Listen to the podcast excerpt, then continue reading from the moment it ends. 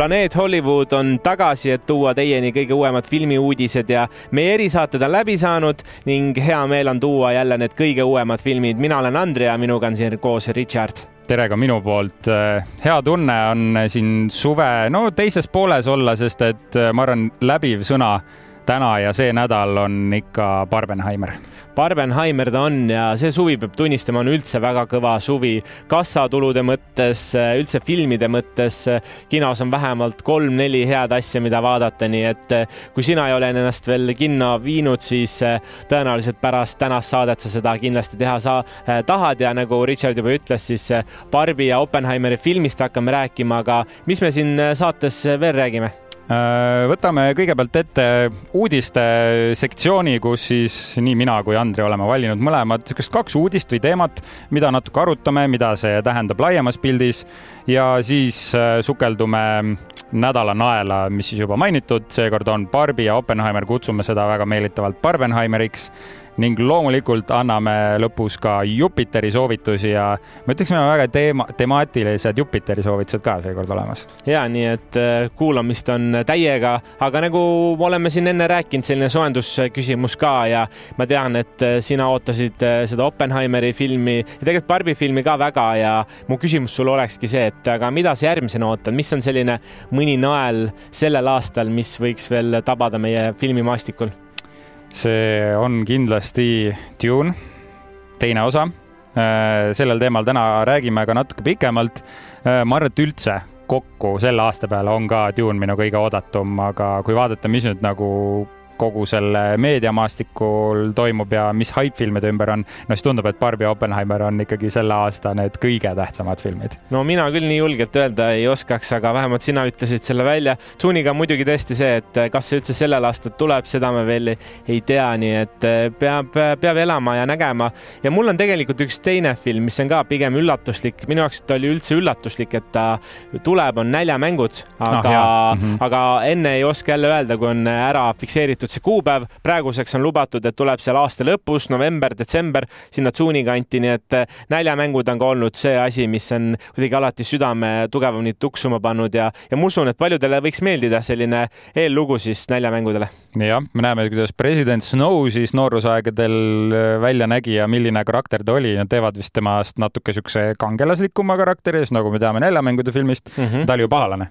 ja täpselt et nii, et äh, ma usun, et on põnevust küll ja, ja rahva, rahva see kinno toob, nii et eh, see kinoaasta ei ole veel pooltki läbi, kuigi suvi on, siis eh, ka erinevaid superkanglaste filme on tulemas ja, ja lisaks need kaks pärli siis eh, sügisesse.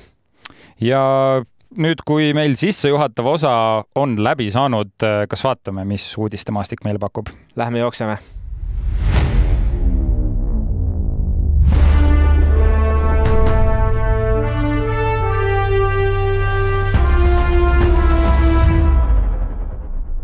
ja uudisteks äh, alustame kohe siis äh, sellise pärliga nagu Võimatu missioon. Mm.. sellest ka tõenäoliselt järgmine nädal räägime pikemalt, aga kuna, kuna siis Tom Cruise'iga peaosas Võimatu missioon tuli ja olgu siis ära öeldud, et see on see Võimatu missiooni seitsmes osa ja tegelikult ta on jaotatud kaheks, nii et järgmine aasta võib-olla saab siis seda äh, teist osa ka sellest filmist vaadatud, aga kus see teema lõi lahknele, on see, et see film oli kaks tundi ja kolmkümmend kuus minutit pikk, mis oli üsna selline sümboolne vaatamine, aga režissöör on ka öelnud seda, et äh, sellest on olemas siis äh, lõikamata versioon mm, -hmm. neli tundi pikk ja no fännid on juba kuidagi selle info teada saanud, näpud lükanud selle info taha ja hakanud nõudma, me tahame neljatunnist filmi, me tahame neljatunnist filmi, kas sa oleksid nõus seda neli tundi vaatama?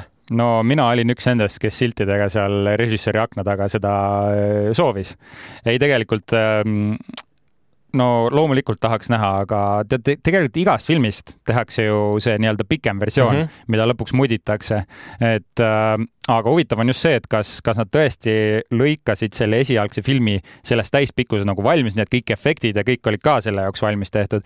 et kui nii, siis ma ütleks sada protsenti, kui need mõlemad osad on näiteks väljas, siis pakkuda see lõikamata versioon, no ma vaataks kindlalt. ja filmi nimeks siis ongi Võimatu missioon, surmav otsus, esimene osa ja jääme ootama, pean tunnistama ka seda, et ma muidu ütleksin ei sellepärast et äh, varem oleme sellest rääkinud, et mm, -hmm. et lihtsalt see väsimus tekib peale ja minu jaoks kõige olulisem lugu ja kui ma loo keskel väsin ära, siis ei jaksa seda vaadata. aga üksikud erandid on ja see mm, Justice League'i Snyder cut oli ka, mis oli, oli, oli neli tundi ja tohutult pikk, aga samas väga nauditav. ma olen ka selle ära vaadanud ja pean tunnistama, et, et võimatu missiooni puhul ma kannataks selle ära, sellepärast et no üks selle aasta minu jaoks parimaid filme, nii palju action'i seal lihtsalt oli, et, et see neli tundi võib-olla annab meile mingit uut sisu ja uut teadmist no Tom Cruise tegemas erinevaid äh, kaskaadritrikke, ma võin neli tundi ainult seda ka vaadata. nii et ähm, tõepoolest, mina, mina ütlen roheline tuli sellele neljatunnisele versioonile. ja me hoiame silma peal, kui see peaks tekkima, et see on avalik, siis me anname selle kindlasti siin ka teada. absoluutselt Jamie Fox on lõpuks äh, avalikult rääkinud siis, äh, mis temaga juhtus pärast äh, väidetavat terviseriket. Ja kes ei tea, siis selle aasta aprillis juhtus Jamie Foxil Netflixi filmi Back in Action võtetel terviserike, mille tulemusel ta oli voodihaige mitmeks nädalaks. ja mm, Jamie Fox võttiski siis Instagramis sõna, tänas kõiki, eriti oma tütart ja õde, kes talle sellel raskel ajal toeks olid kuid ei ole siiamaani teada, mis terviserikkega täpsemalt tegu oli, kuid ta ise ütles seda, et käis ära põrgus ja ei arvanud, et ta kunagi peaks midagi sellist läbi elama. selle video jooksul andis ta veel mõista ka seda, et äh, ei ole need kuulujutud tõesed, kus öeldi, et ta on nüüd liikumisvõimetu või pime, tegi seal isegi natuke nalja, et huumorimeel on tal alles ja kõik on hästi ja teeb ka vaikselt juba trenni mees.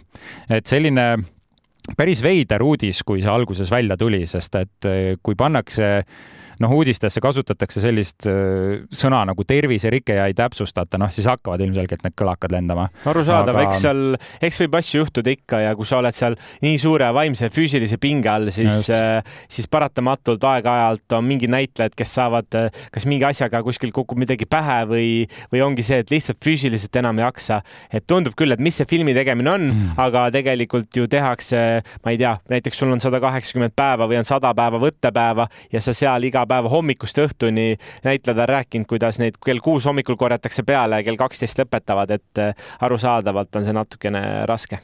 raske jah, ja väga loodan, et äh, see jääb ühekordseks ja Jamie Foxx, no kes on alati olnud, mees on ju üle viiekümne aasta vana, minu teada hakkab juba kuuekümne aastase kanti jõudma, et äh, aga tal on ikka see meeletult energiline olek ja kui, kui ta mõnda filmi promab ka, siis näha, et äh, ta naudib täiega ja noh, selline nagu peolooma iseloom tal on, et ma väga loodan, et äh, see jätkub, kuid kindlasti veel rohkem loodan, et äh, mees hoiab oma tervist ja, ja vahepeal on toimunud ka San Diego's Comic-Con, see on tuntud selline koomiksiüritus, kus siis no eelkõige ka tavainimesed panevad mm -hmm. ennast eriti koomiksi kangelasteks, lähevad kohale, seal toimub ka tihti selliseid avalikustamisi, kus avalist-, avalikustatakse mingeid koomiksi teemalisi asju, aga tihti ka filmiteemalisi asju, sellepärast et teame, et koomiks ja filmimaailm käib käsikäes kokku. kui sina peaksid minema näiteks homme Comic-Conile, siis kelleks sa ennast paneksid riidesse? No ilmselt mingi Star Warsi tegelane. ma arvan, et ma teeks ennast Obi-Wan Kenobiks no näed, aga siis sul on ka hea uudis, hea uudis küll mitte Star Warsi maailmast, aga Star tracki maailmast. nimelt siis äh, näiteks üks asi, mis seal ka avalikustati, on see, et äh, sai viienda hooaja sellist esimest äh, vaadet seal vaadata. aga mis seal, mis seal veel oli? üks peauudis, mida oodati, ma tean, et Disney plussi fännid ootasid seda, et selline asi on tulemas nagu Percy Jackson, Jackson mm. and the Olympians ja me oleme varasemalt ka Percy Jacksoni tegelikult filme näinud, kaks filmi on vähemalt olemas ja see on selline pool jumal, pool inimene, aga pigem inimese poole kalduv tegelane, kes siis äh, proovib jumalate maailmas hakkama saada ja see äh, nii-öelda sari on tulemas äh, Disney pluss ja seal Comic-Conil ka siis näidati, millised need tegelased välja näevad. seal on ka mõned viited nagu müütilistele relvadele ja nii edasi, et see on kuidagi rahva, rahva kihama pannud ja ma pean tunnistama, et see on ka üks nendest sarjadest, mida mina väga ootan, sellepärast et filmid olid nii teemas. ma ei, ma ei tea, kas sa mäletad neid filme? mäletan hästi, Logan Lerman vist mängis peaosas sedasama Percy't ja tegemist oligi siis Zeusi pojaga, kui ma ei eksi, sellepärast tal oli see Lightning Thief, vaata minu arust seal oli mingi teema, äh, ta varastas äh, ühelt jumalalt selle pikse ära. ma kuidagi mäletan, mingi Poseidoni teema oli. Poseidon aga, oli ka. aga vot, kuna need filmid on juba kümme pluss aastat tagasi tehtud, siis ja. ega mälu enam kõige parem ei ole kas Zeus või Poseidon, kummagi poeg ta igatahes oli, jumala poeg ja fantaasiat ja möllu seal saab. siis äh, millest veel räägiti, räägiti näiteks äh, John Wicki siis sellisest äh, kõrvalloost Continentals, mis on siis, mis peaks täiendama seda kurikuulsat hotelli, kus palgamõrvarid kõik olid ja seal siis räägitigi sellest nagu loost natuke lähemalt, anti infot, et mis seal loos toimub ja, ja mis on need kuupäevad ja kuupäevadeks on siis öeldud, et see tuleb kolmes osas ja kaks kakskümmend kaks september tuleb välja esimene osa siis äh, äh, sellest spin-offist. aa, juba sellel sügisel ja kas ma sain õigesti aru, et tulebki kolmeosaline seriaal? kakskümmend kaks september, kakskümmend üheksa september ja kuues oktoober on need äh, osad siis välja lubatud. seal on ka näitlejad, näiteks Mel Gibson mängib seal, nii et on toodud uusi, uusi tegelasi, uusi näitlejaid, mis minu meelest on ka väga lahe. ja mulle eriti meeldib see, et kolmeosaline, ma loodan, et see tähendab seda, et need episoodid on pikemad ja sellised filmilikud, et selline kolmeosaline sihuke miniseeria äkki sealt tuleb ja eks neid uudiseid on veel, aga ma võtsin ühe veel, mis mulle kuidagi muljet avaldas, oli, et see, et Rick and Mortis tuleb nüüd animeeritud äh, selline sari ka. lisaks, äh, ta on küll praegu ka animeeritud, aga rohkem sellises multika stiilis äh, näha, kuidas siis Rick and Morty seiklused hakkavad lahti rulluma meie ees, et, et ei ole see nii-öelda, kui me teame Netflixis sellist väga nii-öelda täiskasvanutele suunatud, siis võib-olla ah, okay. selline natukene äh, multifilmilikum versioon ka sellest, mis on teistmoodi ja mis võib väga lahe olla. kusjuures see on väga huvitav teema, sest ma olen, äh, kui ma nüüd vahepeal puhkusel olin, siis äh, meil oli kuskil, ma pakuks viie kuni kümne aastaseid äh, lapsi seltskonnas ja nad mainisid Rick and Mortyt ülitihti. ja, ja, et mis su lemmiksari või film on Rick and Morty, olen, kuidas see võimalik, kas sa reaalselt vaatad seda? ei mul emme ei luba, aga mulle meeldib see, noh, selles mõttes mingi lahe nimi või pealkiri, mis on nagu meelde jäänud, aga tegelikult väga hea mõte võib-olla teha selline lapsesõbralikum versioon ka sellest, sest no tegelikult Rick and Morty on ikka päris tume ja selline karm, väga terav huumor. no ta ongi täiskasvanutele mõeldud, sellepärast ma alguses äh, ka ise läksin segadusse, et tegelikult ju on ju üks animeeritud olemas, aga see on nüüd natuke lastele ja lastele on tegelikult veel asju seal. Harley Quinni selline animeeritud versioon ja jällegi, et kindlasti on mõni animeeritud olemas, aga selline multifilmi stiilis, et lastele ka tuua sellist äh, superkangelaste ja nende põhitegelaste maailma lähemale ja lähmegi siit edasi siis äh, viimase uudise juurde ja selleks on äh, Dune kaks ja see võib nüüd lükkuda hoopis järgmisesse aastasse, eks kahe, eks siis kahe tuhande kahekümne neljandasse aastasse ja miks selline veider uudis, äh, see on tegelikult laiemalt seotud siis nüüd ka mitte ainult stsenaristide streigiga, vaid ka näitlejate streigiga ehk siis Screen Actors Guild. SAG on samuti streikimas ja no see tähendab nüüd veel suuremad äh, seisakud siis äh, filmitööstuses ja mõned küsivad, et aga miks Dune? Dune kaks ammu valmis filmitud, äh, valmis monteeritud, ilmselt lisavad efekte seal praegu. et miks ei saaks seda siis näidata, kui näitlejad on ju oma töö ära teinud, aga põhjus lihtne, filmile alati eelneb promotuur ja turundus ja see on väga oluline osa filmi tootmises, kui siis näitlejad peavad kaasa lööma ja need näitlejad, kes siis on selle streigiga ühinenud, ma eeldan, et enamus, kui mitte kõik need näitlejad sealt filmist nad ei saa promotuurile minna, nad ei saa seda filmi turundada. ja tegelikult Oppenheimeril oli sama asi, et, et näitlejad ei läinudki sinna saali lõpuks, Emily Blunt ja Cillian Murphy ja nii edasi ja nii edasi, nii et, et paratamatult see puudutab juba näitlejaid ja ma võiks mm -hmm. öelda julgelt, et enam ei ole kirjutajate streik, vaid ja. üleüldiselt Hollywoodis streigitakse ja, ja aktsiad on ka hakanud langema.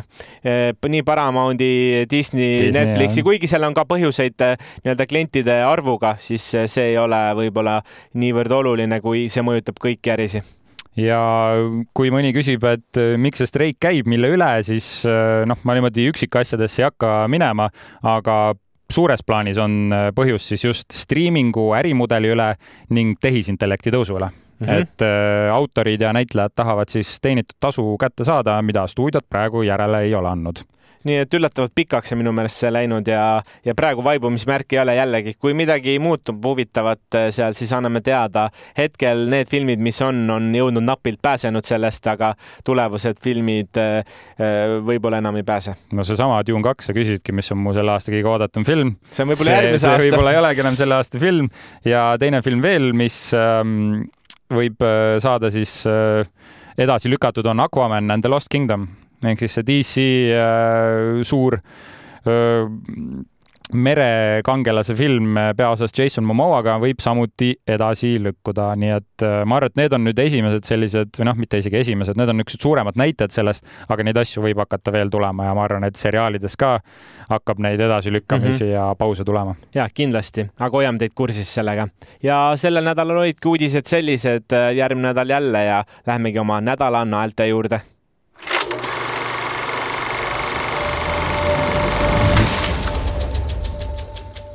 nädala naelteks seekord trummipõrin, ütle see mu lemmiksõna välja. Barbenheimer, see ei ole mingi uus muusikal, vaid Oppenheimer ja Barbi äh, äh, selline suur tulek kinno samal ajal ja väga lahedaid neid plakateid ja postreid on muideks välja mhm. tulnud mm, -hmm. mis on äh, küll fännide tehtud muidugi, aga kus on siis kombineeritud kahe filmi maailmad ja, ja ma ütlekski, ma ütleks kohe ära, et need ongi omamoodi vastandid. üks, mis esindab sellist võib-olla natukene noh, kuna seal on hästi palju roosat, siis ma ütlekski natuke roosamat maailma. teine, mis on nagu vastand musta ja sellise tumeda, raske olemisega, nii et nendest mõlemast räägime ja alustame kõigepealt Barbist. Alustame Barbist ja Andri teeb väikse ülevaate, mis siis, mis filmiga tegu on, mis see Barbi film on ja Oscarile kandideerinud äh, stsenarist ja lavastaja Greta Gerwig toob siis ekraanidele Barbi uue filmi, mille peaosas Barbit ja Kenni mängivad Margot Robbie ja Ryan Gosling ja tegevus toimub sellises idealistlikus Barbimaal, kus elavad idüllise, idüllilises rahus koos erinevad Barbid ja erinevad Kennid ka. ja tegelikult juhtubki selline asi, et Barbi hakkab kannatama väikse kriisi käes, mis sunnib teda kohanema ja ka tegelikult avastama päris maailma ja ja kogu seda, kogu seda olemist seal ümber. ma ütleks, see on selline lühikene kokkuvõte mm -hmm. ilma ütlemata ära, mis seal juhtuma hakkab, sest äh, see film ongi väga selliste juhtumite peale üles ehitatud ja, ja tegelikult minu meelest väga hästi esindab ka sellist äh, barbilikku maailma ja seal on muidugi ka sügavam filosoofia juures, äh, mida võib-olla kõik ei, ka ei mõista või kõiki heaks ei kiida jah, kindlasti kihiline film. kui nüüd ar-, võtta arvesse kogu seda haipi ja seda, mis meedias on Barbi ümber toimunud. kas see film oli sinu jaoks pigem läks kergelt lati alt läbi või vastas ootustele või lausa ületas need ootused? tead, ma seedisin seda tükk aega, et äh, ma tulin ära sealt kinost, ma ütlen, et esmamuljed olid ülipositiivsed mm. -hmm. ma seedisin ja ma ei, ma ei jõudnudki isegi sinna, et miks ta mulle ei meeldi, et ma lähen nüüd sellel nädalal veel teist korda seda vaatama no,, wow. et korra aru saada, sellepärast et esmamuljed olid ikkagi see, et kuna mina väiksena barbidega esiteks mänginud ei ole, minu jaoks jah, see sõna barbi tähendab siis seda nukku, aga mis selle nuku taga on, ma ei tea, tead seda tausta taustalugu, ma ei teadnud neid eh, mingeid erinevaid barbisorte, siis selle, sellepärast see oli väga suur üllatus, sellepärast et kogu see film oligi üles ehitatud siis eh, päris eh, nagu barbimaailmal, et seal nukud ei käinud nagu inimesed, seal nukud käisidki nagu barbid ringi ja no ma ütlen, kui keegi küsib, aga mis see tähendab, see tähendab seda, et barbid ei käi kunagi tallad maas mm, -hmm. barbid käivad ainult varvaste peal näiteks või siis kui barbid vahetavad riideid, siis see toimub nagu maagiliselt või kui barbid näiteks lähevad majast autosse, siis ei ole see, et keegi läheb trepist alla, vaid teda tõstetakse nagu nukku, et mm -hmm. väga lahe stiil oli selline teistmoodi stiil, ma ütleks. jah, jah, see, see on tõesti film, millest on justkui nii palju rääkida, samas teistpidi see tundub hästi ka pealiskaudne ja ma arvan, et see on üks põhjusi, miks mulle see film väga meeldis. minu jaoks see ületas ootusi Äh, just sellepärast, et seda saab nautida lihtsalt, ma arvan, ka viieaastane laps, seal muidugi ühe korra äh, pliibitakse, et see võib olla ainus koht, mis ma ütleks, et võib-olla sellisele päris lapsele ei sobi. Äh, aga, ja sa võid vaadata seda filmi nii, et sa ei saa nendest sügavamatest vihjetest seal aru, sa saad lihtsalt efektse roosa suhkruvati filmi, mis on lõbus ja kaasakiskuv kaasakiskuv, võib-olla, mis mulle nagu meeldis ka, on see just see, ma enne mainisin sõna filosoofia, mida mm -hmm. ma selle all mõtlesin, oligi see, et eh, oli toodud seda, et miks see nukk on tehtud. ma alguses ei teadnud ka, et tegelikult selle üks eh, vanaproua siis või mitte vanaproua, sellel ajal oli ta lihtsalt eh, üks naine tahtis oma lapsele teha nukku mm, -hmm. mis võib-olla ei oleks beebi, klassikaline beebi onju, mis oleks, esindaks midagi muud ja ta pidigi esindama sellist naiselikku, naiselikku julgust, naiselikku isiklikku töökust, aga sellest sai hoopis selline iluideaal ja minu meelest see film räägibki sellest, kuidas sellest äh, iluideaalist äh, tänapäeva ühiskonda me oleme jõudnud. Ja muidugi seal on mingeid naljakaid asju. kuidas on huumorit seal saab, kuidas on toodud seesama nii-öelda Kenny roll sinna sisse ja Ryan Gosling, kuidas on hobused ja, ja meeste võim, nii et ma saan aru, miks see võib ka osasi inimesi nagu solvata, seal on sellist feminismi teemat, aga mina jätaks selle üldse täiesti kõrvale, mina vaatasin seda kui filmi, seda kui lugu ja ta üllatas, et ma teangi inimesi, kes on mulle öelnud, et nad, see on nagu kõige õudsem film, mida nad kunagi näinud on. Mm.. et kui sa lähed lihtsalt nagu, ma ei tea, megasuurte ootustega, et siis see võib-olla ei ole see, kui sa lased ennast üllatada, siis ta on minu meelest kõik, mida ma ei oodanud sellest filmist. Mm, väga, väga hästi öeldud. Ja ma lõpetan oma mõtte ka, et ühtlasi sa saad seda filmi vaadata kui pealiskaudset lastefilmi, teisalt täpselt see, mis sa kõik ütlesid, sa võid mõelda selle filmi sellele filmile nii palju juurde ja saad ridade vahelt lugeda välja, mida Greta Gerwig siis äh, selle looga öelda tahtis. Äh, ma arvan, et seda feminismi teemat nagu välja siit filmist jätta tegelikult vist üldse ei saa. mulle tundub, et see on mm -hmm. ikkagi üsna nagu siukse selge sõnumiga äh, naistele suunatud, aga mina olin väga üllatunud, kui palju oli ka seda mehe poolt sisse toodud ja no feminism ei, ei tähendagi seda, et äh, surume mehed alla ja toome naised üles. feminismi point on, et kõik oleks võrdne. Ja mina olin väga positiivselt üllatunud ka sellele, et ma olin valmis, et ma saan ainult Barbit ja tema lugu, aga just seda Kenny lugu ka. Ja noh, ma ei hakka ka ette ütlema nendele, kes ei ole filmi näinud, aga Ryan Gosling tegi rolli, mida ma ei oleks oodanud temalt, natuke teistsugusest küljest näitas ennast. Ja seal oli tõesti väga palju huumorit selles, kui äh, Ken siis satub äh, ütleme siis oma sellest tavamaailmast eh, teise keskkonda, mis siis juhtuma hakkab. no see oli ühtlasi täiega naljakas, teisalt ülimalt kurb ja mm -hmm. need kaks asja kokku tekitasid väga huvitava koosluse. ja Killian Murphy, kes on siis Oppenheimeri üks eh, peaosalisi, on öelnud ka, et kui tuleb Barbi teine eh, film, siis tema on nõus Kenni mängima, nii oh, et wow. ta on juba selle välja öelnud, et väga paljud Hollywoodi staarid on ka silmad särama pannud, et ma ütleks kokkuvõtvalt, ta on lihtne, ta on selline lõbus film, kui sa tahad sealt saada midagi emotsionaalset emotsionaalset liigutamist, siis äh, see ei ole see film kindlasti ja oh,. Wow, päriselt või? ma, ma ütleks küll, et emotsionaalselt ta mind ei liigutanud mm., ta on võimestav küll, ma saan aru, aga ma ei olnud äh, kuidagi, ma ei tea, pisarsilmi või, või vastupidi, et mingi aa, mega õnnelik. ma olin, mul oli hea meel, et teistmoodi lugu on tehtud ja vaata see unikaalsus selle loo esitamisviisil, et minu arust kõik oli nagu uus ja, ja võib-olla oli ainuke asi, mis mulle nagu endale ei meeldinud, oli see, et, et John Cena seal oli oi jaa, no üks cameotest. jah, et aga tema, tema selline roll äh, seal ja üldse neid superstaare on ka sinna ja, toodud, et tegelikult see film on ka suuresti hästi palju muusikute taustal, et äh, üles toodud, et see promo on ka erinevate siis artistide poolt mm -hmm. tehtud, Nicki Minaj, Billie Eilish, äh, seal on ju see Dua Lipa näiteks on ju, et neid artiste on hästi palju ja, ja see pool võib-olla mind natukene nagu häiris, aga samas äh, võib-olla keegi mõtles lihtsalt teeb lõbusa sellise asja sinna. no see kindlasti aitab sellele turundusele kaasa ja ma arvan, et äh, mina ei ole oma eluajal näinud ühtegi filmi, mis oleks ennast nii hästi turundanud kui Barbi seda teinud on. see on meeletu ja sellele aitab kaasa loomulikult Oppenheimer ka. aga enne kui läheme mm, Barbilt Oppenheimeri peale, on Andril veel midagi lisada? ja ma tahtsingi öelda, et tegelikult, äh, mis näitab, kui keegi nüüd ütleb äh, või mõtleb, et okei okay,, et talle ei meeldinud või et ta väga kahtleb, siis äh, kassatulu räägib enda eest, et, et selle nädalavahetusega tehti kolmsada viiskümmend kuus miljonit ülemaailmselt. ta on juba pea top kümnes seal selle aasta mm -hmm. enim teenitud filmidest, et ja pea kahekordselt tegi Oppenheimerile ära, et tegelikult ongi see, et ma ütlen, numbrid räägivad enda eest, ta on löönud massiga selle maha ja tõenäoliselt ta teenib seal üle miljardi ja võib-olla ka võtab esikoha, nii et kui ta võtab esikoha ära, tead, esikoht on praegu äh, Super Mario, üks koma kolm. sa räägid selle aasta, sorry. ja ma räägin selle aasta omast, et selle aasta esimene koht on Super Mario film, üks koma kolm miljardit on teeninud, et ma ütleks seda ka, et miks ma sellest rahast räägin, just raha näitab rahvameelsust nagu et äh, raha tuleb siis, kui rahvas käib kinos, rahvas seda vaatab ja selle filmiga küll, no võib-olla oli see turundus, aga vaatame, mis need järgmised nädalad toovad, et kui need numbrid on ikkagi üleval, siis ma ütlen, et inimestele ka meeldis. mulle ta meeldis, sest ta üllatas ja oli lahe lugu.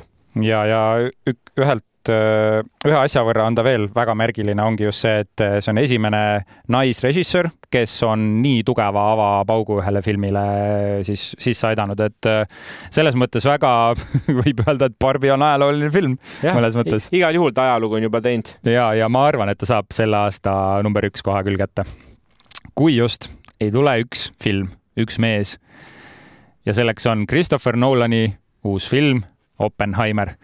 tegemist on siis ajaloolise draamaga ja räägib see siis tuumapommi loomisest ning J. Robert Oppenheimerist. film põhineb äh, Pulitzeriga pärjatud raamatul American Prometheus, The Triumph and Tragedy of, of äh, Robert Oppenheimer ja näemegi, kuidas siis tuumapommi leiutamine aset leidis, mis sellega kaasnes äh, ning kuidas viidi läbi tuumapommi katsetus ja kuidas USA seda pommi Teise maailmasõja lõpetamiseks kasutas ühtlasi suurejooneline film tuumapommi loomisest ning teisalt ma ütleks väga isiklik ning intiimne film Robert Oppenheimerist. Ja kuidas see mõjutas teda, tema pere, tema kolleege ning inimkonda üldiselt. ja võib-olla see sõna intiimne pani mind äh, ta on väga õige kokkuvõte, sellepärast intiimne just selle seisukohast, et see film oli enamasti siis äh, selle läbi ühe inimese vaate ja. tehtud, et, et kui Matt Damon sai ka selle käsikirja kätte ja ta nägi, et see on tehtud selle Robert Oppenheimeri silmade läbi, siis äh, tegelikult äh, ta oli, et vau, see on nii üllatav lugu ja olgu see faktina ära öeldud ka, et need kohad, mis olid mustvalges, on tehtud siis kolmanda isiku silmade läbi ja see, mis on kõik nii-öelda värviline, mida, mis on enamus, et see mm -hmm. ei mhm. ole mustvalge film seal on üksikud kohad, siis eh, see on läbi, see on Robert Oppenheimeri enda tõlgendus, mis on ka, annab sellele seda sügavust juurde. see on fakt, mida ma oleks väga tahtnud enne filmi teada, sest äh, ma rääkisin ka filmi ajal äh,, mitte siis äh, kõigiga, kes saalis olid, aga lihtsalt nagu arutlesin, et mida see tähendab huvitav, sest alati Inoolil on, on mingi põhjus, miks ta neid asju nii teeb. ja sa ütlesid jah, väga hea asja, et me näeme, noh, mina ei teadnud Oppenheimerist suurt midagi peale selle, et ta oli tuumapommi leiutaja ja see film võtab selle karakteri täiesti alasti. täpselt, mina ka ei teadnud enne, enne temast mitte, noh, nii palju kui sina teadsid mm -hmm. ja ma ei olnud ajalugu ju rohkem juurde lugenud ja, ja minu meelest selles suhtes äh, ta on biograafiline draama ja, ja kõige paremas võtmes, et äh, lihtsalt rääkida ühte lugu koos kõikide emotsioonidega, sest see ei ole selline film, kus äh, kõik läheb ainult hästi noh, see tuumapomm mm -hmm, tehakse, see ei ole enam mingi spoiler mm, -hmm. seda me oleme äh, varem ka kuulnud, aga, aga et ta ei ole ka sellega, et tuumapomm tehakse valmis ja see film on läbi, vaid ta ikkagi läheb edasi ja sellepärast ka see kolm tundi, mis ta pikk on. täpselt nii ja enne kui läheme veel oma lõpliku arvamuse juurde, siis ära tuleb mainida mõned näitlejad sellest filmist. siin astuvad üles Killian Murphy, Robert Downey Jr, Emily Blunt, Florence Pugh, Matt Damon, Josh Hartnett, Kenneth Branagh, Rami Malek, Alden Ehrenreich, Jason Clark, Casey Affleck, Matthew Modine, Jack Quaid, Dane DeHaan, Alex Wolf ja paljud teised ja see oli korralik asi ja näiteks Matt Damoniga oli ka niimoodi, et tal oli näitlemisest puhkus võetud ja ta ütles oma naisele, et, et ainukene värk, lepime kokku, et ma tulen puhkuselt lähen ära siis, kui Christopher Nolan mulle helistab ja Christopher Nolan talle helistas, nii et äh,, nii et mees seal filmis on, ta, ta on üks peaosalistest, ta ei ja. ole kindlasti, äh, ma ütleks, Cillian äh, Murphy on peaosas, tema mängib Robert Oppenheimerit ja Emily Blunt on äh, siis tema naine Kitty seal ja ma, kui, kui nüüd äh, nihutada see piir nagu nelja karakteri peale, kes äh, minu jaoks tegid kõige märkimisväärsemad rollid, oligi Killian Murphy, Emily Blunt, Robert Downey Jr, kes tegi väga teistsuguse rolli. lõpus jah, algust teda võib-olla nii palju ei olnudki, aga ta tuli no. sinna sisse ja, ja see oli üllatav nagu äh, teda ka näha. minu arust see, et ta oli seal nagu vana mehena no, natukene just, just. selline kiilanev ja siis ma mõtlesin. oot-oot-oot, mis sul kiilanevat? ei, mul ei ole selle vastu midagi, aga ma mõtlesin seda, et, et jumala lahe on teda näha ka sellise sellise vana mehena, muidu ta on alati selline suur superkangelane, noh, mingi playboy, miljonär, sekspomm, et see, täpselt, et seal ta oli selline nagu, nagu vana mees, kes tegi mingi hardcore poliitikat, et vau wow respekt. ja, ja tegi ülihästi seda. Äh,. aga üleüldiselt, no ma ütleks, et see on, noh, see on Christopher Nolani film ehk see on üsna kriitikukindel film. Ähm, sa mainisid seda pikka aega sellel filmil, kolmetunnine film ja noh, minu jaoks see film saavutas selle tipphetke kuskil filmi keskel ja siis võtab see film uue mõõtme, ma ei hakka rohkem midagi ütlema ja see oli see koht, kus ma tundsin tõesti, et äh, mulle üldiselt, sa tead, mulle meeldivad need väga pikad filmid. see oleks, see osa filmist oleks võinud olla lühem, sest et seal ei olnud enam seda vaatemängulisust jah, ma olen nõus, et, et võib-olla see kriitika ongi see, et ta on nagu päris raske ja mm, -hmm. ja ta on selles suhtes läheb pikaks, et see väsimus tekib et äh, ma ei kujuta ette, kui saaks pool tundi puhata ja siis edasi vaadata, mis mm -hmm. tunde see siis tekitab, et äh, ta natukene, ta on teistsugune nendest Christopher Nolani filmidest, et, et kui Teneti, näiteks Teneti võrdlus on hea, sellepärast paljud on seda näinud ka, et kui Tenet oli hästi selline tempokas ja, ja kohati segane, siis ma ütleks, see oli väga selge, aga kohati raske. et lihtsalt see, kui see ka tunne, kui see kinost välja tuleb, mis on ka hea kvaliteetfilmi nagu näitaja, et ta läheb sinna kvaliteetfilmi poole oh, ja, ja ta on hea kvaliteetfilmi näitleja, kui inimene tuleb välja, ta mõtleb nagu, ta saab aru, et midagi on ühiskonnas teistmoodi, kui praegu on ka veel ma, nagu planeedis on, planeedil on nii rasked seisud sõjateemadega, siis see kõnetab lihtsalt, aga raske on väga kõnetab ja see oli lausa hirmuäratav, et see filmi lõpp paneb ikka väga sügavalt äh, mõtlema, mis meie maailmas saada võib.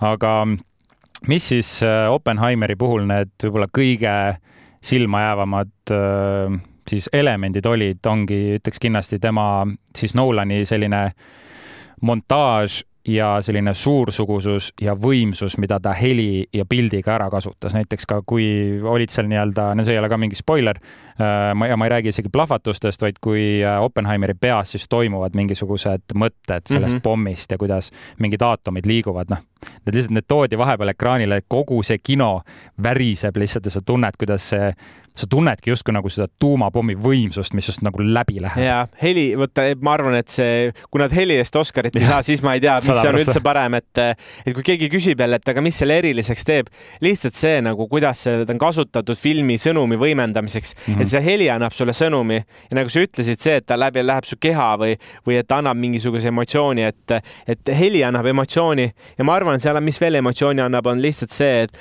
see filmikeel, et Christopher Nolani üks selliseid äh, käekirja märke on see, et ta ei ole kunagi oma ajas lineaarne, et ta ei lähe algusest lõpuni, vaid ta hüppab, ta hüppas nagu ka suht palju, et aga, algus. veidi vähem kui muidu, ma ütleks. no ma ei tea, minu meelest ainult hüppaski seal äh, vahel, oli algus, algus, lõpp, algus, lõpp mm.. kasvõi see no, et, et mingid sõnumid said alles lõpus aru, mida tegelikult öeldi või mida tehti okay,. et, et, et ka, ka see, see visuaalne keel, et see oli nagu pusle, mis, see oli kümne tuhande pusletükiga pusle, mis oli ilusti kokku pandud, kõik jupid olid olemas, et ta selles suhtes on meistriteos ja, ja, ja väga lahe vaatamine, aga olge valmis, varuge snäkke näiteks, ma võtsin päris palju ja see oli hea jah, snäkid ja selline tugev äh, mentaalne seisund, sest isegi kui see film, vaata vahepeal levisid jutud, et see film on nii õudne, siin näidatakse nii graafiliselt nagu mingeid, äh, kuidas jah, selliseid noh, näiteks plahvatusstseene või noh, et eeldasid, et näidatakse kiiritusega viga saanud inimesi, siis ma ütleks, et see element oli olemas, aga mitte visuaalselt. see oli mingi koht, mida näiteks mina mõtlesin selle ise juurde kui mm, -hmm. kui sa mõtled filmi lõpu peale, kui näiteks on mingi moment, kus suure saavutuse peale kõik plaksutavad ja samal ajal sa tead tegelikult, mida see pomm teeb, eks ole. ja sul ja. tekib jälle hästi kahestunud nagu tunne, ühtlasi jess, nad jõudsid mingisuguse saavutuseni ja siis sa saad aru, et see saavutus on põhimõtteliselt see, mis on võimeline inimkonda hävitama. No, ta on tekitanud võime siis inimesel ise juurde see lugu mõelda, et see on selles suhtes, ongi nagu ma ütlesin jälle meistriteos, mis mm suudab inimeses tekitada väga palju asju ja, ja ma arvan, et siit auhinnad tulevad. kas see nüüd äh, näiteks teeb kas kassatulu mõttes Barbile ära, ma isiklikult arvan mitte. kuigi ma ütlen, et äh, ta kvaliteedi ja sellise läbimõelduse mõttes oli kindlasti detailideni nagu timmi aetud mm. -hmm. Christopher Nolani värk on see, et ta ajab selle lõpuni täiesti välja ja, ja nüüd ta saab teha neid filme, mida ta tahab teha ja väga lahe oli vaadata seda ja näiteks, kust tal see üldse mõte tekkis, et seda Oppenheimerit teha, siis äh, kui Teneti filmimine lõppes, siis äh, siis nüüd mul läks see näitleja nimi meelest ära. kes see mängis? ma ei näidata sind. no kes see mängis? John David Washington. ei, ei, mitte Washington, aga kes ka Batman'i veel mängis? Robert Pattinson no, täpselt, korraks lihtsalt äh, läks meelest ära, aga Robert Pattinson andis äh, ühe lõpukingiks, andis siis äh, Oppenheimeri kõnede sellise kogumiku kinkis no,. Wow. ja, ja kui te tegelikult vaatad, siis Tenetis on viide Oppenheimerile ilusti olemas, seal on räägitud, seal on isegi lause sees Oppenheimer ja, ja sama Tallinna tseen, kus nad on obeliski juures, nii et juba Tenetis on viide Oppenheimeri hmm. filmile väga-väga selgelt olemas, et tundub, et need mõtted juba tal liikusid sellel ajal ja, ja muidugi siis ta hakkas tutvuma ka selle, nagu sa ütlesid, selle raamatuga, milleks oli American Prometheus Just. raamat ja, ja selle pealt tal tekkis edasi, nii et täitsa põnev, kus see areng läheb, vahepeal on räägitud James Bondist juba, et mis tingimustel oleks ta nõus James Bondi tegema. seda ei juhtu ilmselt. ma, seda ei juhtu ilmselt jah, aga, aga lihtsalt, et flirtida mõttega, et mis on järgmine projekt, sest see mees on ka öelnud, et nii kaua ta teeb, kui jaksu on ja, ja, ja praegu ennast puhkab natuke ja siis teeb jälle midagi. Jah, ja tal on käinud ka sellise üle ühe nüüd, kui sa mõtled niisuguste ajalooliste ja reaalsemate filmidega, et äh, oli vahepeal Dunkirk, siis tuli Tenet, eks ole, nüüd on Oppenheimer ja ma nüüd väga tahaks, et ta teeks mingisuguse äh, kas action filmi, ulmefilmi, no mina väga tahaks niisugust väga ulmelist, ma tahaks midagi Interstellari, Inceptioni sarnast, võtku kasvõi äh, mingisugune koomiksitegelane, kes on täiesti sellest mainstream nii-öelda asjast väljas, et nüüd ma tahan ühte niisugust äh, mitte ajaloolist või biograafilist filmi, vaid mingit täiesti tema fantaasialendu. ühest mehest tahaks veel rääkida, kes oli Killian Murphy, kes siis mängis oh, peaosas, tema ei ole praegu siin väga palju tähelepanu saanud, aga noh, mees on niikuinii kleenuke, aga selle filmi rolli jaoks võttis ta tohutult äh, kaalus alla alla ja, ja Emily Blunt ühes intervjuus siis äh, naljatades öel-, ütles, aga see ei olnud ka väga nali, et äh, mingil perioodil sõi ta ainult Killian äh, Murphy siis ühe mandli päevas, et, et alla võtta ja näiteks õhtusöökidel ta ei käinudki Mm -hmm. sellepärast et äh, lihtsalt ta tahtis rolli sisse elada ja tõenäoliselt ka see kiusatus seal süüa ja olla, et, et see oli päris, äh, päris ränk ja Killian Murphy ei olegi Nolani filmides enne peaosa mänginud, ta on kõvasti mänginud teistes filmides, nii Dunkirkis, Inceptionis mängis ta seda meest, kelle pähe siis mindi, siis ta on mänginud ju Batmanis ka pahategelast ja see oli tema selline esimene, vähemalt Nolani filmides esimene väga-väga suur roll, kus ta siis oli, oli seal kogu aeg kaadris. ja mis sa arvad, kas Oscarite jagamisel Killian Murphy võib võita. nomineeritud on kin-, nomineeritud on kindlasti sellepärast, et ega Nolan ka ise Oscarit saanud ei ole, ta on nomineeritud viis korda, kui ma ei eksi.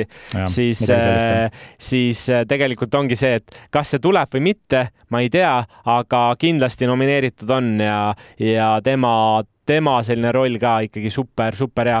ma tahaks seda veel näha ekraanil, et eh, me teame, Peaky Blindersis on ta kõvasti mm -hmm. teinud ja, ja kuidagi sellist eh, Peaky Blindersi vibe'i või energiat oli seal tunda ka. no Kaabu peaasülikond seljas, eks ole. täpselt onju, et, et minu meelest väga lahe.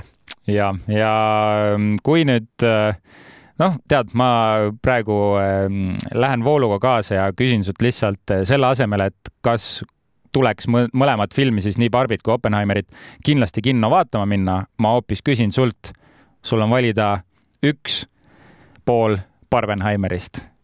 kumba sa, kumba ma vaatan või? kumba sa nüüd mm, -hmm. kui mhm. sa oled filmi näinud mis on see, mida sa soovitad, kui sa pead valima? ma saan aru, et mõlemad ei, on head ütlen, filmid. ma ütlen vastuse, mul on olemas, et ja mul on siis teine vastus ka veel hm., et kui ma peaksin filmi nagu ühe korra sa näinud va vaatama minna, Universum on, et sa saad ühte filmi vaadata ühe korra, siis ma valiksin Oppenheimeri, sellepärast et see on nii suursugune film, et ma ei tahaks sellest ilma jääda.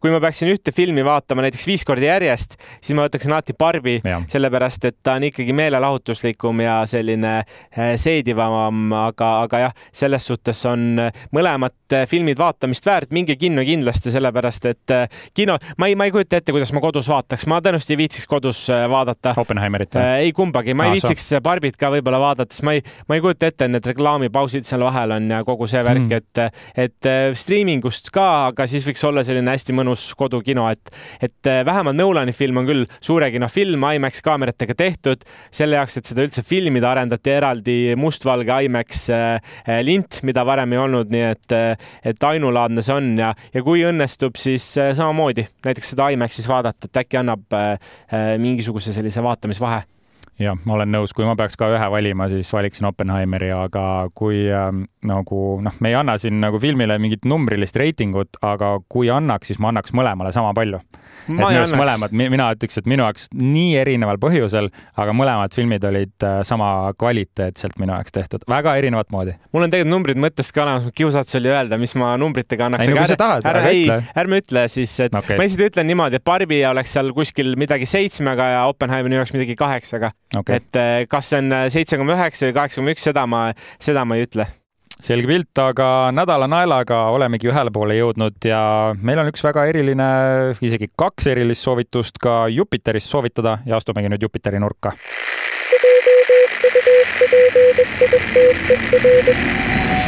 ja kui kinodes saabki siis vaadata Oppenheimerit ja Barbit, siis Jupiteris saad vaadata kahte filmi, milleks on Voolusõda ja Paradiisimäed. alustame Voolusõjast ja minu meelest väga lahe film, äh, kaks tuhat seitseteist oli kinno, käisin vaatamas ka seda ja ta võib olla selline film, mis on, ma ütleks, ei ole inimeste mõtetesse jõudnud kuidagi nii-öelda pärl, mida, mida saab vaadata ja räägib siis äh, sul on kokkuvõte kindlasti olemas, ma ei hakka ette ütlema, millest see räägib kolmest geeniusest, äh, teadlasest Thomas Edisonist, Nikola Teslast ja George Westinghouse'ist äh, ja nende intellektuaalsest äh, mõõduvõtust, kui mehed siis üritasid enda lahendust elektriringele siis ähm, peavoolu tuua. ja, ja Benedict Cumberbatch mängis ka ja sellepärast, kui ma üks olingi kino seal ukse taga, mõtlesin, mida vaatama minna, vaatasin, oo, Benedict mängib väga lahe. see ei ole tema suurim roll, aga ta on mm -hmm. selline väga intellektuaalne film, ma ütleksin mm, -hmm. kuidagi no selles suhtes meenutab Oppenheimerit, et kuidagi see energia on sama, aga ta ei ole pooltki nii tume, kuigi seal on ka sellist äh, nii-öelda konkurentsi äh,, natuke ajaga võiduminekut äh,, innovaatilisust, mõlemad räägivad millegi loomisest, üks räägib siis elektrienergia loomisest ja teine räägib tuumapommi loomisest. elektri, elekter oli küll olemas, aga seal oli ja, ja. natukene äh,, natukene, kuidas seda seda voolu nii-öelda, see nagu voolusüsteem mm. -hmm, voolusüsteemi paremaks teha ja, ja sellepärast see ongi nii huvitav, jälle ajalooline ka. et. Äh, ma, ma ma soovitaks küll seda vaadata. ja voolusõda ehk siis The Current War äh, ja peaosas, nagu sa mainisid, Benedict Cumberbatch mängib jälle niisugust tüüpilist äh, ülbet intellektuaalset meest, eks ole, aga tema kõrvalosatäitjad väärivad samamoodi mainimist ja Michael Shannon, kes mängib George Westinghouse'i ja Teslat mängib Nicholas Holt nii et päris korralik äh, trio on siin koos. ja kes tahab Teslat näha, siis äh, minge vaadake sealt ära, milline see mees oli, millega ta hakkama saanud äh, ja minu arust väga tuus jah, see on siis vaste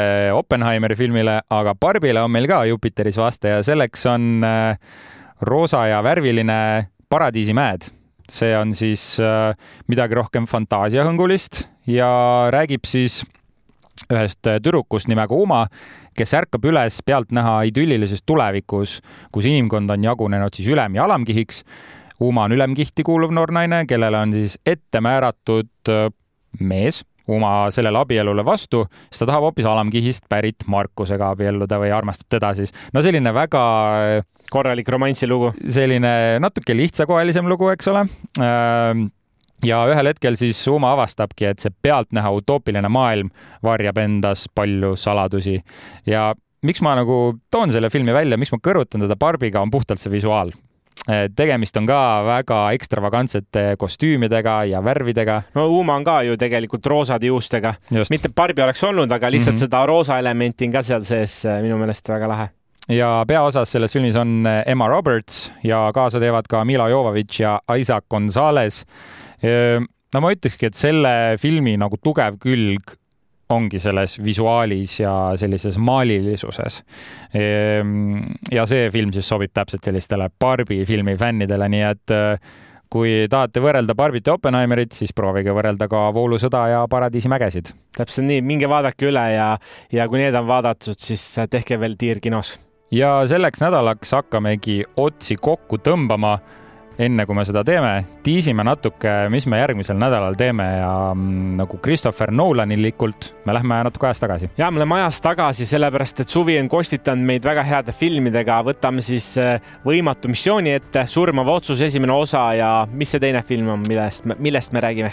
Äh, Harrison Ford Indiana Jonesi rollis ja filmi alapealkirjaks Saatuse seier ja kui keegi nüüd ei ole neid näinud, siis ma arvan, et ongi meid väga hea kuulata, miks, miks see on vaatamist väärt või vaatamist mitte väärt. ja keegi, kes on näinud, siis kuulake lihtsalt meie mõtteid, et mul on, seal mul on päris, päris palju juba öelda, mul on mõtted valmis järgmiseks nädalaks, et ma küpsetan neid veel, veel paremaks. mina ilmselt lähen võimatut missiooni ja ma tahan Indiana Jonesi ka veel tegelikult korra vaatama minna, et ma proovin seda sellel nädalal teha, sest et sellel nädalal liiga palju mingit siukest uusi filme või suuri filme ei tule. seega üheks põhjuseks, miks me natuke ajas tagasi reisime. aga suur aitäh, et kuulasite meid. planeet Hollywood äh, tõmbab selleks nädalaks otsad kokku ja kuuleme-näeme juba järgmisel nädalal. tšau